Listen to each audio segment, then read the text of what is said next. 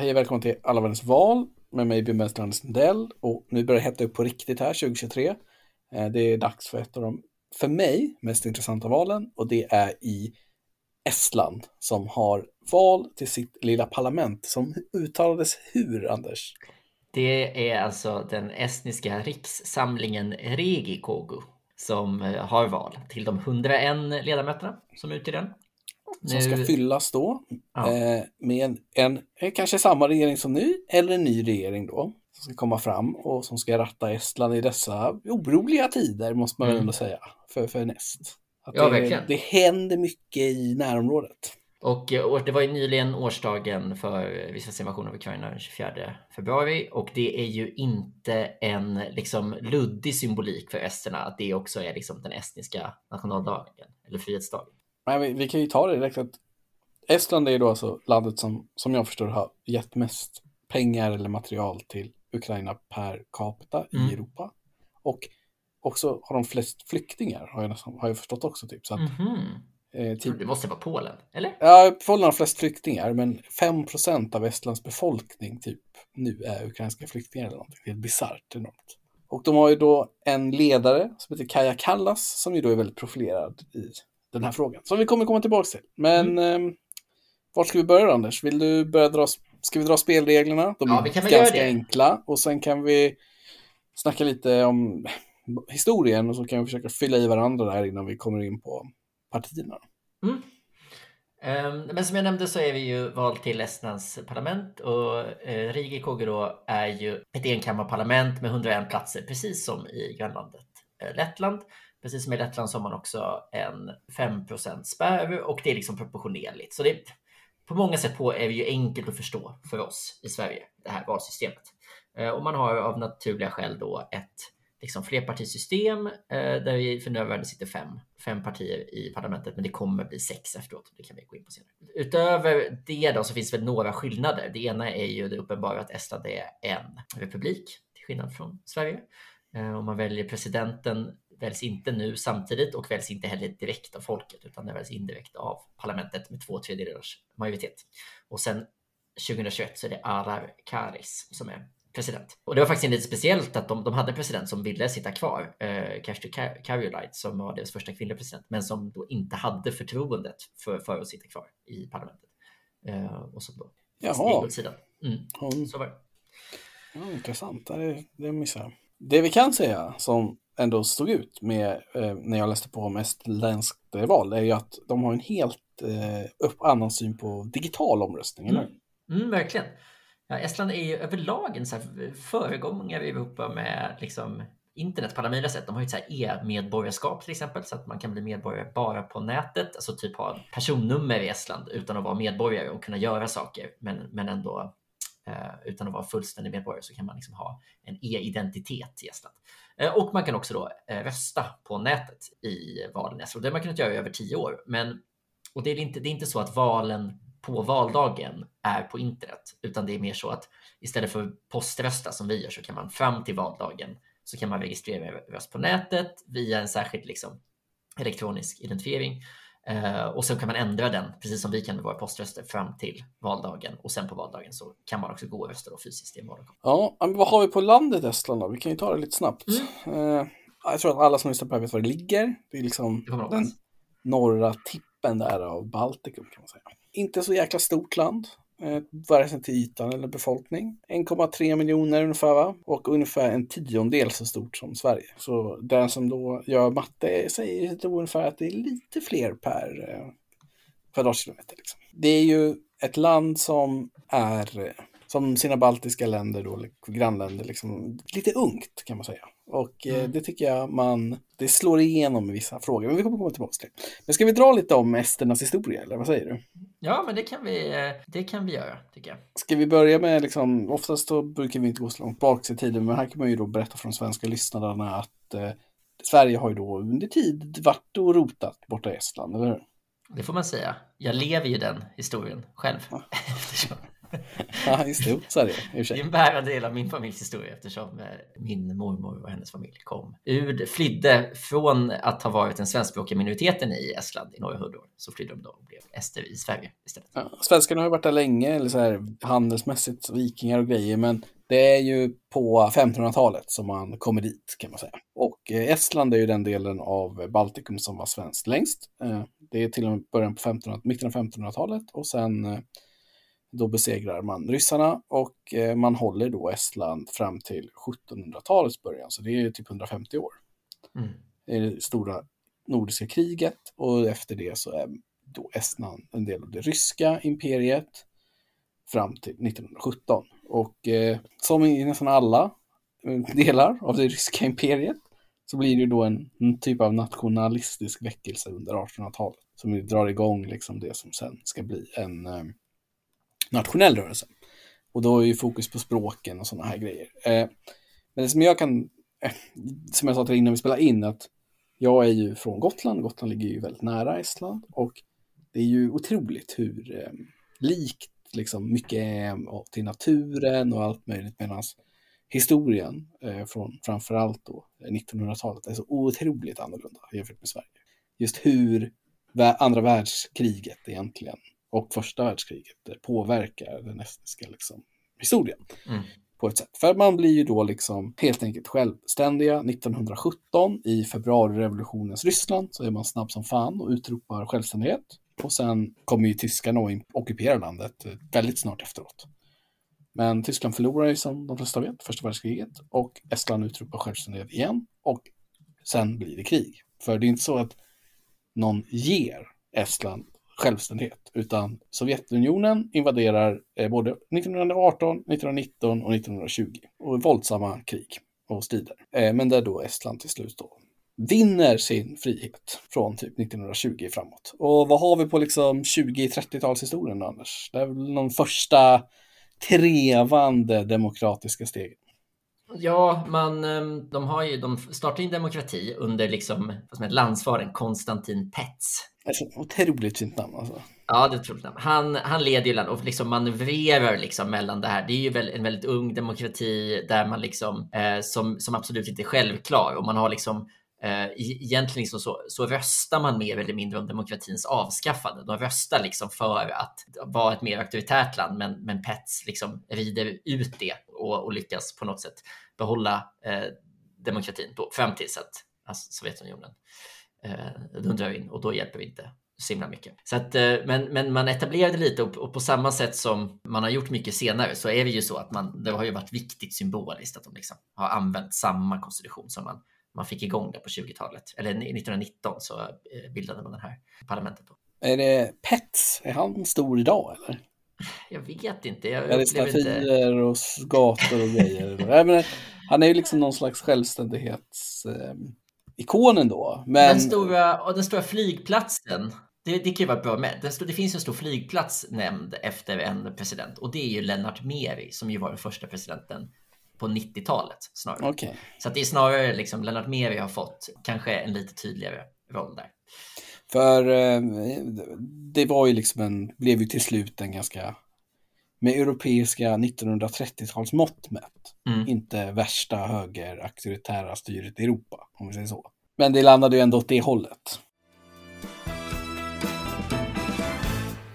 Right, som när vi snackar om Litau äh, Lettland var det va, så gör ju tyskarna och ryssarna upp i hemlighet och äh, i, helt enkelt så blir det så att äh, Sovjetunionen invaderar först Estland och sen tar Tyskland det och sen tar Sovjetunionen Estland igen kan man säga. Mm. Och Estland tvingas in i Sovjetunionen. Mm.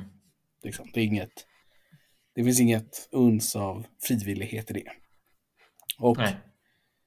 Det är ju då som för Lettland, en, liksom en ockupation som pågår från 1945 till 1990-91 där. Mm. Det är ju ja, en livstid liksom. Eh, men då kan vi återgå till din heritage där Anders, då, för att det är väl lite så att din familj flyr ju 44, eller hur? Ja, 43 kom 43. mormor och hennes familj till Sverige. När man liksom inser att ryssarna kommer komma tillbaka, eller? Eller var det från tyskarna? Eh, det var ju egentligen så här att eh, när, precis, när ryssarna började komma tillbaka så släppte tyskarna ut estlandssvenskarna. Man kan säga att en, en grupp som har varit liksom någon slags isolerade svenskar ute på en ö utanför den estniska kusten i 300 år. Det var inte så att man blev dåligt behandlad av nazisterna då. alltså, Nej, men, det är den mörka historien, att de hade ju en nassarna tyckte det var kanon. Rätt, men, rätt bra. Ja. bättre än de judar och sånt man kunde hitta. Liksom. Precis, så att, så att de eh, var ju snabba på att hjälpa svenskarna att fly, alltså de svenskspråkiga esterna och så. Så att man kom ju iväg. Sen var ju såklart, det var ju krig liksom. Alltså de har ju, det var ju eh, också av sovjetisk och nazistisk ockupation som ju såklart var väldigt, väldigt hemska även för, ja, men även för min mormor som berättade om det. Och just de här öarna där min familj kommer ifrån var ju också, det var ju frontlinjen liksom, att de mellan Ryssland och Tyskland. Ja, de blev ju ofta, de blev ju erövrade lite senare alltid, som är lätt att försvara och så. Ja. Och det är liksom ett, ett litet konstigt sår i den estniska själen, att man är så himla mycket mer, ja men att, att det blev, ja men lite som det kanske varit i Finland också, alltså att, att uh, ganska många på den tiden var ganska tyskvänliga. Eh, för att man hade eh, upplevde att man hade, hade det bättre då under tyska ockupationen än under Ja, men det är ju inte så svårt att förstå heller. Nej. Jag. Nej, men det, är ändå, det lämnar ju ändå märk, en märklig så, eh, kulturell historisk eftersmak för ett, ett ja, land. Det gör det absolut. Det gör det, ja. absolut.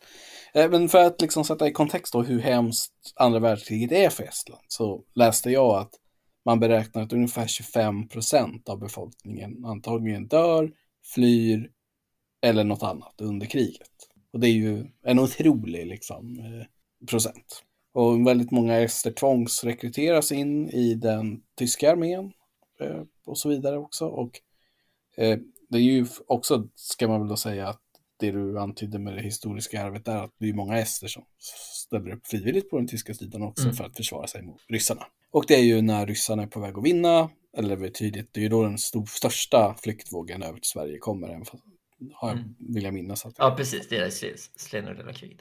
Så där det sen lämnas tillbaks folk då i den baltutlämningshistorien. Eh, ja. Eh, ja, men fruktansvärt krig liksom, som ändå landar i en ockupation då och eh, Estland blir då en republik i Sovjetunionen, kan man, eller hur? Mm.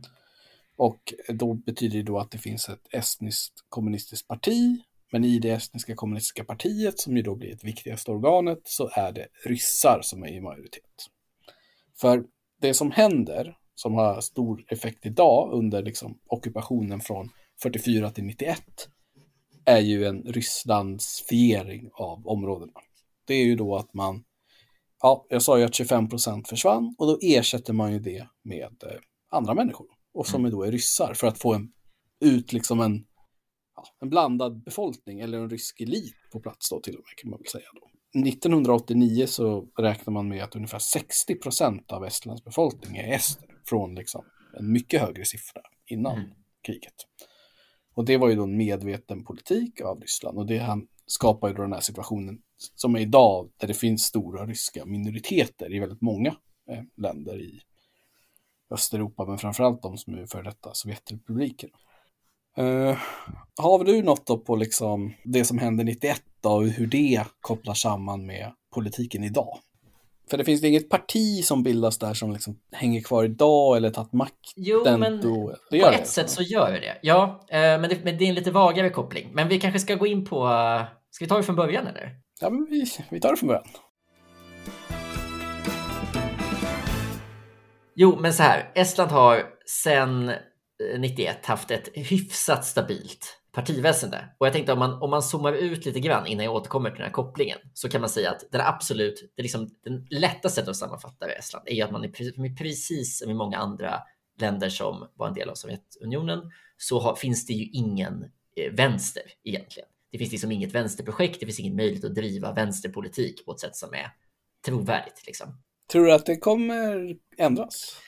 Nej, jag tror inte det. Jag upplever vad jag nu får ut av att vara i Estland några gånger om året och snacka med slumpmässiga gäster. Det är väl att, att det finns en väldigt, väldigt stark stolthet, eller stolthet, men att det finns en stor acceptans och på något sätt nöjdhet med det, det ekonomiska system man har som gör att Estland eh, under en lång tid har varit utmärkt sig genom att ha liksom väldigt, väldigt låga skatter och har ju platt skatt. Men det partiet som på något sätt har varit närmast att bedriva någon typ av vänster politik är ju det som kallas Centerpartiet. Det, var, det är liksom ett parti som ganska ofta beskrivs som populistiskt, men de beskrivs också ibland som liksom socialliberalt eller mittenvänster och sådär. Och de är med i den här den liberala gruppen i EU-parlamentet och så. Så det är liksom ett, någon typ av mittenparti, men lite som relativt sett har en liten övervikt åt vänster.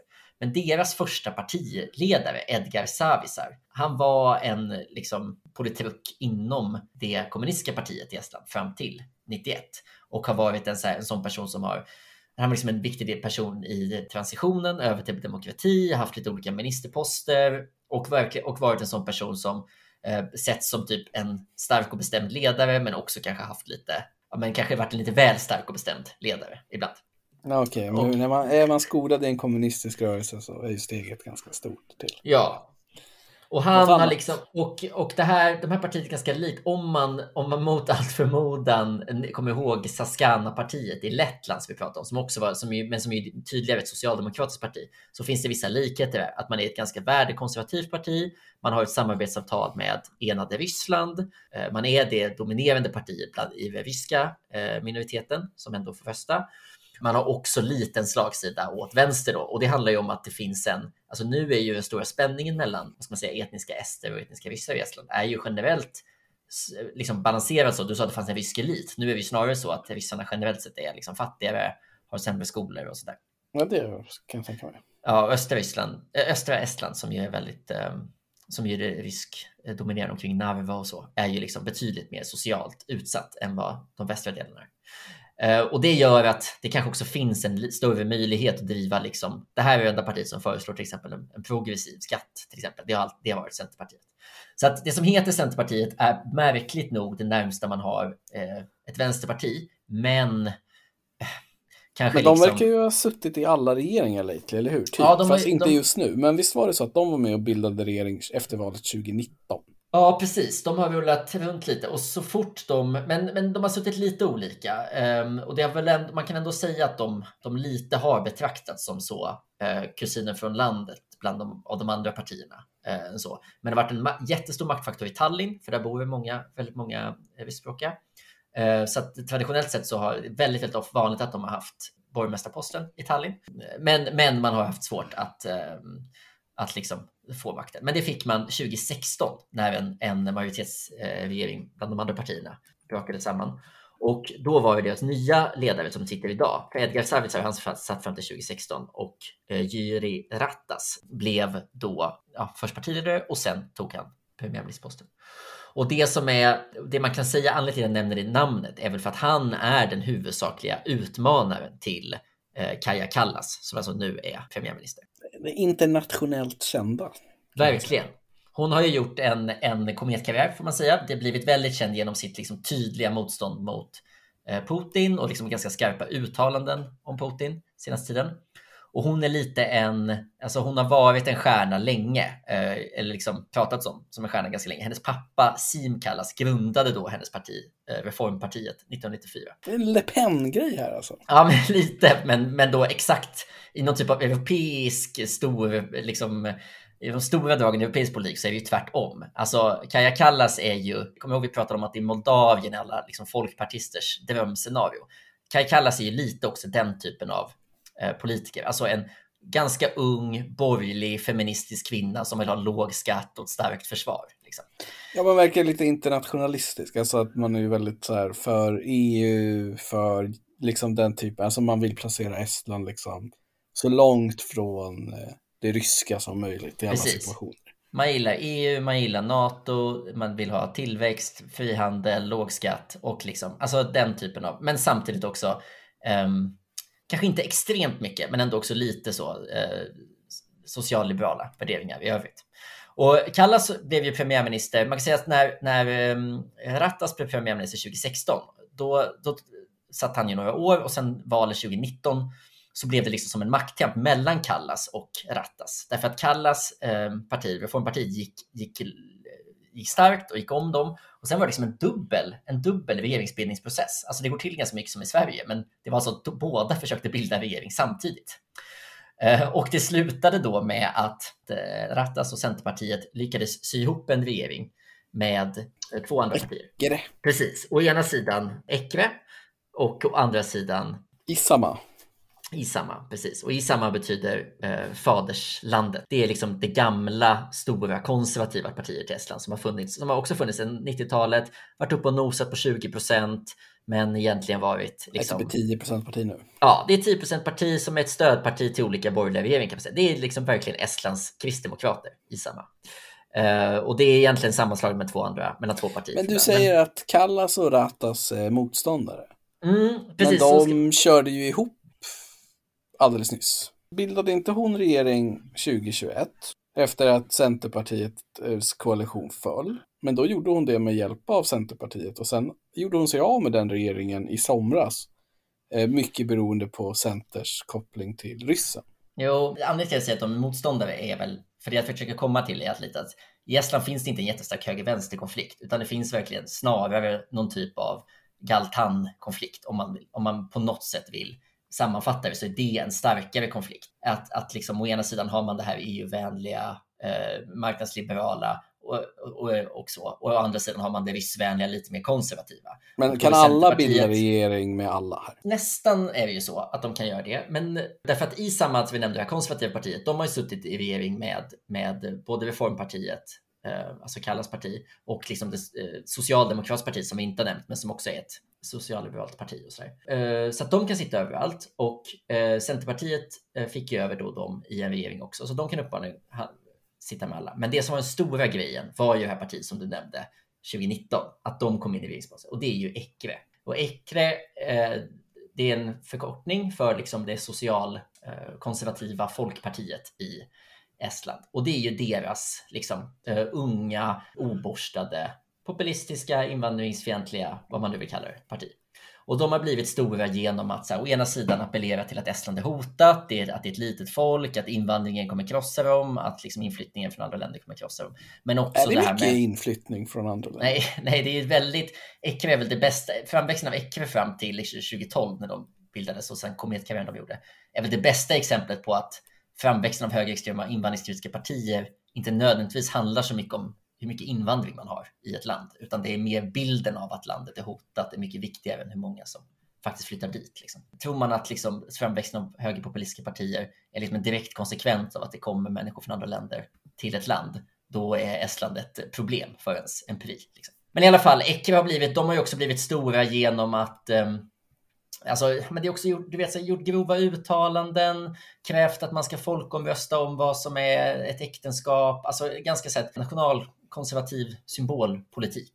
Eh, och i invandringsfrågan så har ju Ekve inte heller varit riktigt Alltså de har inte stuckit ut därför att det är väldigt, väldigt mitten i Estland att vara emot invandring. Eh, så att då har man snarare stuckit ut genom att vara grövre och genom att använda sig av mer så kulturkrigiga formuleringar och ge stöd till olika konspirationsteorier och liksom ta emot pengar från Ryssland på olika sätt och så. Så att Ekre har då inget parti egentligen velat samarbeta med, mer för att det har varit en säkerhetsrisk och sådär och, och man har känt att de skulle vara instabila. Men för att få regeringsmakten så 2019 så bet eh, Jyri Rattas ihop och hans centerparti tillsammans med då det här eh, konservativa faderslandpartiet i samma och Ekve bildade regering där alla fick fem ministrar var. Så det var en ganska generös utdelning till, till de här partierna. Men det så att de är emot invandring. Om, om du skulle flytta tillbaks till Estland, är det den typen av invandring? Nej, jag tror, jag, nej det, är, det är väl verkligen inte. Det är någon så här idé om ja, men de problem som kanske finns i Sverige då liksom. Ja, det är betydligt mer jag tror att generellt skulle man ju verkligen behöva, man har ju ganska stora problem med liksom befolkningsökningen, så att de skulle behöva, de skulle bli ganska glada om det började flytta dit massa svenskar. Det är ju Eller har folk flytt, men sådana som flyttade, flydde från det, har, några, har folk flyttat tillbaka eller? Nej, väldigt ovanligt tror jag, med folk från Sverige som flyttar tillbaka. Befolkningen har ju minskat, ser jag här, googlade lite snabbt, ganska tydligt sedan 1990. Men det är väl för att man har utvandrat, eller? Ja, jag vet faktiskt inte. Det är ju säkert för att ryssar har flyttat tillbaka till Ryssland, eller Så kan det också vara. Men i alla fall, så att i någon typ av, eh, om, man, om man sammanfattar de partier som finns idag är alltså att, att det finns liksom två flytande block som på något sätt, det ena är liksom Ekre och eh, Centerpartiet som på något sätt är då det extrema partiet och det mer moderata partiet på den här TAN-delen av estnisk politik. Eh, och sen så har man i samma konservativa partiet som kanske blir mest renodlade mittenpartiet Och sen har man Reformpartiet som då liksom är ja, men typ eh, Liberalerna i svensk politik, fast kanske spelat rollen Moderaterna, men liksom ett eh, borgerligt högerliberalt parti som är inte så konservativa i liksom, värderingsfrågor och så. Och sen så är det här socialdemokratiska partiet som det heter, eh, som väl då inte nödvändigtvis är liksom den politiska grenen av en fackföreningsrörelse, utan kanske snarare ett, ett lite så här socialliberalt, EU-vänligt eh, mittenvänsterparti. Hade också en storhetstid där på, på början på 00-talet, men inte jätterelevanta för att förstå konflikterna idag. Så de fem partierna är det och då kan liksom alla på något sätt samarbeta. Ja, några kan, det, det kan liksom flyta och röra sig och det har gjort det väldigt mycket. Så man har ju haft båda de två senaste mandatperioderna så har regeringen fallit samman eh, under mandatperioden. Och det som hände sist när Centerpartiet tappade makten var ju att Eh, de styr som bekant i Tallinn och det var en korruptionsskandal i Tallinn där generalsekreteraren för Centerpartiet var inblandad och då, då avgick eh, statsminister eller premiärminister Rattas, men gick liksom med på det här besvaret varför de samarbetade då, eh, Centerpartiet och Reformpartiet. Han gick liksom med på att för stabilitetens skull liksom sitta i en övergångslösning på något sätt. Um, och så gjorde man, gjorde man det på det sättet, så det blev en deal mellan de två så att han steg ner och oppositionsledaren tog över och de policymässigt i massa frågor så är de ganska lika. Liksom. Um, så det var så det var så det gick till. Men nu styrs man alltså återigen av den regeringen man hade innan Centerpartiet tog över, som, alltså fram till 2016, som är uh, Reformpartiet, Socialdemokratiska partiet och ISAMA. Då. Men du sa att det kommer bli sex partier här och mm. det är de här E200, eller hur? Ja, precis. Därför att... Och då undrar jag direkt, är Kallas ett vanligt namn eller? ja. För det heter ju partiledaren där också.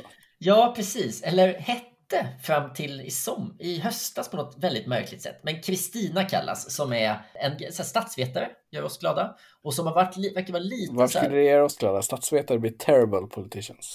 ja, okej. Okay. Du vet vem som är den mest framgångsrika statsvetarpolitikern va? Det finns en känd politiker, det finns fler säkert, men det finns en av 1900-talets kändaste politiker som är statsvetare. Nej, vem är det? Woodrow Wilson.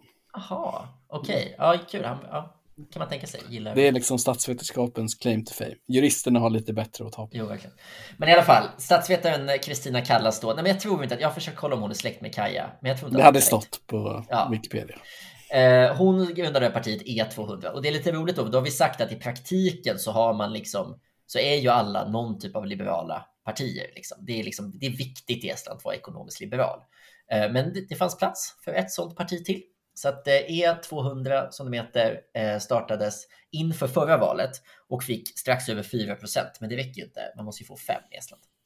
Och de är, vad jag förstår, så försöker de lansera sig som ett ännu lite mer socialliberalt alternativ.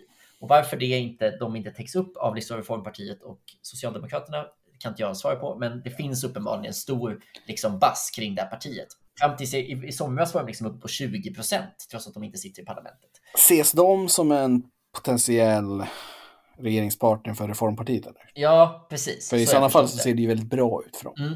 Och deras stora fråga har ju varit att vara anti-Ekre. Att de har liksom, att de växte på det. För att Ekre har liksom på något sätt blivit en vattendelare i Estland där man Eh, som sagt, just in, i sin viktigaste fråga, invandringskritik, så såg de ju inte ut så mycket från de andra. Men mer i så här symboliska, så de var ganska, har, har varit liksom uttalat sig väldigt liksom kränkande om kvinnliga ministrar och om förra presidenten som var kvinna. Alltså de, de gör verkligen inte inga försök att vara liksom ett rumsrent allmänborgerligt parti, utan jag skulle säga att retoriskt så är de inte Sverigedemokraterna 2023, utan de är Sverigedemokraterna 2003 kanske.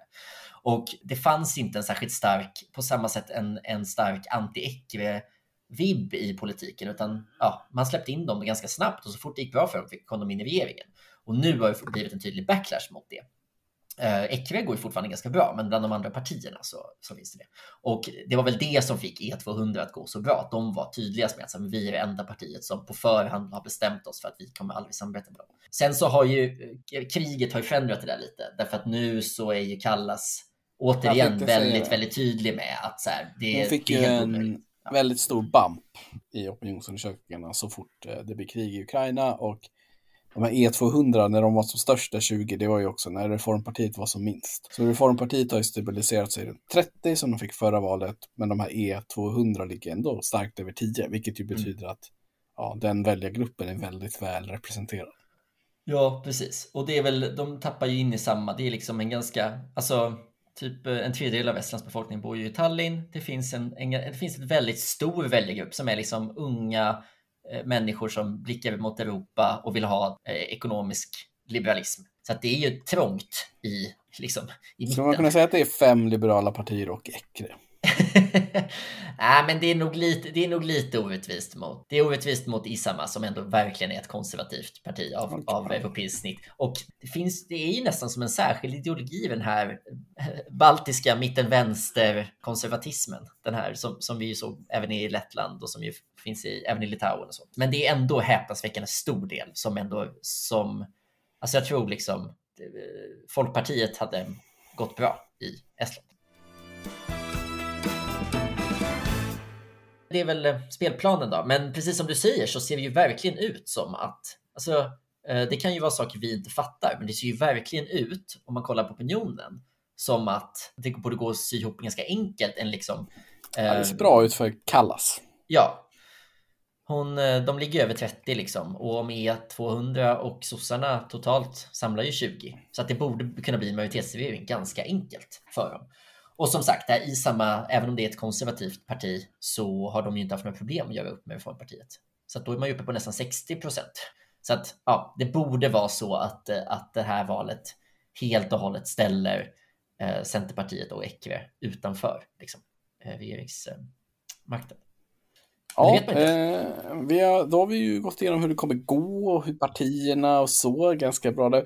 Några, vilka frågor står i fokus då? Vi tänker lite, finns det några sakfrågor som är heta eller är det liksom de här generella tendenserna? Ja. Det, det, jag har fått lite om ekonomi, liksom inflation, arbetslöshet och så, liksom, men det har inte stött på någon eh, jag vet inte, någon specifik fråga som det är som man liksom har fått ställning ja, Men det är ju det här med det som har gjort, det som har varit en valvinnare för eh, Centerpartiet har ju varit införandet av progressiv skatt. Ärligt talat, det har ju faktiskt spelat, det har varit en sån sak som spelar roll. De är enda som driver det idag. Um, men det har inte funkat tillräckligt bra. Uh, och sen har ju varit de här uh, nationalkonservativa frågorna, alltså kring liksom äktenskap och så. Det var en del av dealen i förra Eh, i Ekves när de kom in i regeringen var att de skulle få en folkomröstning om äktenskapet ehm, och så. Så att eh, det, är väl, det är väl lite sånt. Och sen så är vi ju med, mycket med, med Ryssland nu. Och det är liksom föga förvånande så är det ju väldigt mycket spekulationer om att nu senast läste jag att Wagnergruppen skulle ha gjort någon insats för att hjälpa Ekre eh, i valet och så där. Så att det, relationen till Ryssland och Rysslands krig i Ukraina nu är ju För den eh, nördiga så kan vi ju då säga att eh, Estland enligt den här listan jag tittar på nu har 20 personal income tax ungefär. Så de ligger på 26 plats i EU på det. Det bara verkar vara Ungern som eh, slår dem. Som är lägre? Ja. Aha. Aha. 15 procent. Och det är ju då väldigt mycket högre skatt i Finland och Sverige kan man ju då säga. Det kan man säga. Det är en väldigt utpräglad, utpräglad del. Ja, vad har vi mer? Har du något, någon annan spaning på opinionen då? Eller är, är vår enda spaning att det borde lösa sig för Kallas? Nej, men det är ju klart att hon verkar ha... Det här är väl... Eh, eh, Ukraina och Ryssland, krig, eh, Rysslands invasion av Ukraina är ju ett geopolitiskt event i Europa. Mm. Liksom, som målar om kartan och det här är ju ett exempel på det. Mm. Liksom, hon kommer reda ut det här och fortsätta vara en känd internationellt känd estnisk politiker som är väldigt, väldigt tydlig i sin anti-ryska ståndpunkt. Mm. Så där är ytterligare ett misslyckande för Putin. Det tycker jag är intressant. Att här känns det som att det är väldigt tydligt liksom att ja, det är förändringens tid på något sätt i Europa. Mm. Och valet är alltså på söndag, va? den 5 eh, mars och vallokalerna öppnar idag, måndag den 27 eh, februari såg jag. Så nu öppnar alltså e-röstningen för er estniska medborgare som lyssnar på detta. Så kan man alltså e-rösta från det. Och sen den femte är ju också Vasaloppet. Och det finns ju en est som har vunnit Vasaloppet, Anders. Vet du om det är? Mm. Nej, jag kommer ihåg. Rau Olle. ja. Härligt. Vad ska vi köra nästa gång då? Har inte kollat upp. Jag vet inte vad som är på vår lista. Nej, jag tror att vi är så att vi pilar över eh, Finska viken bara och besöker parlamentsvalet i Finland som är den 2 april nästa gång. Det blir ju ännu mer spännande. Då kan man ja. ju snacka om Kekkonen. Ja, Och gamla presidenten där. Jag kommer låta dig, du kommer få prata 36 minuter om Kekkonen som bara klipps bort sen. Det blir underbart för oss alla tror jag. Ja, eh, vi säger på återseende när vi kör Finland då. Så ja. spännande. Ha det gott.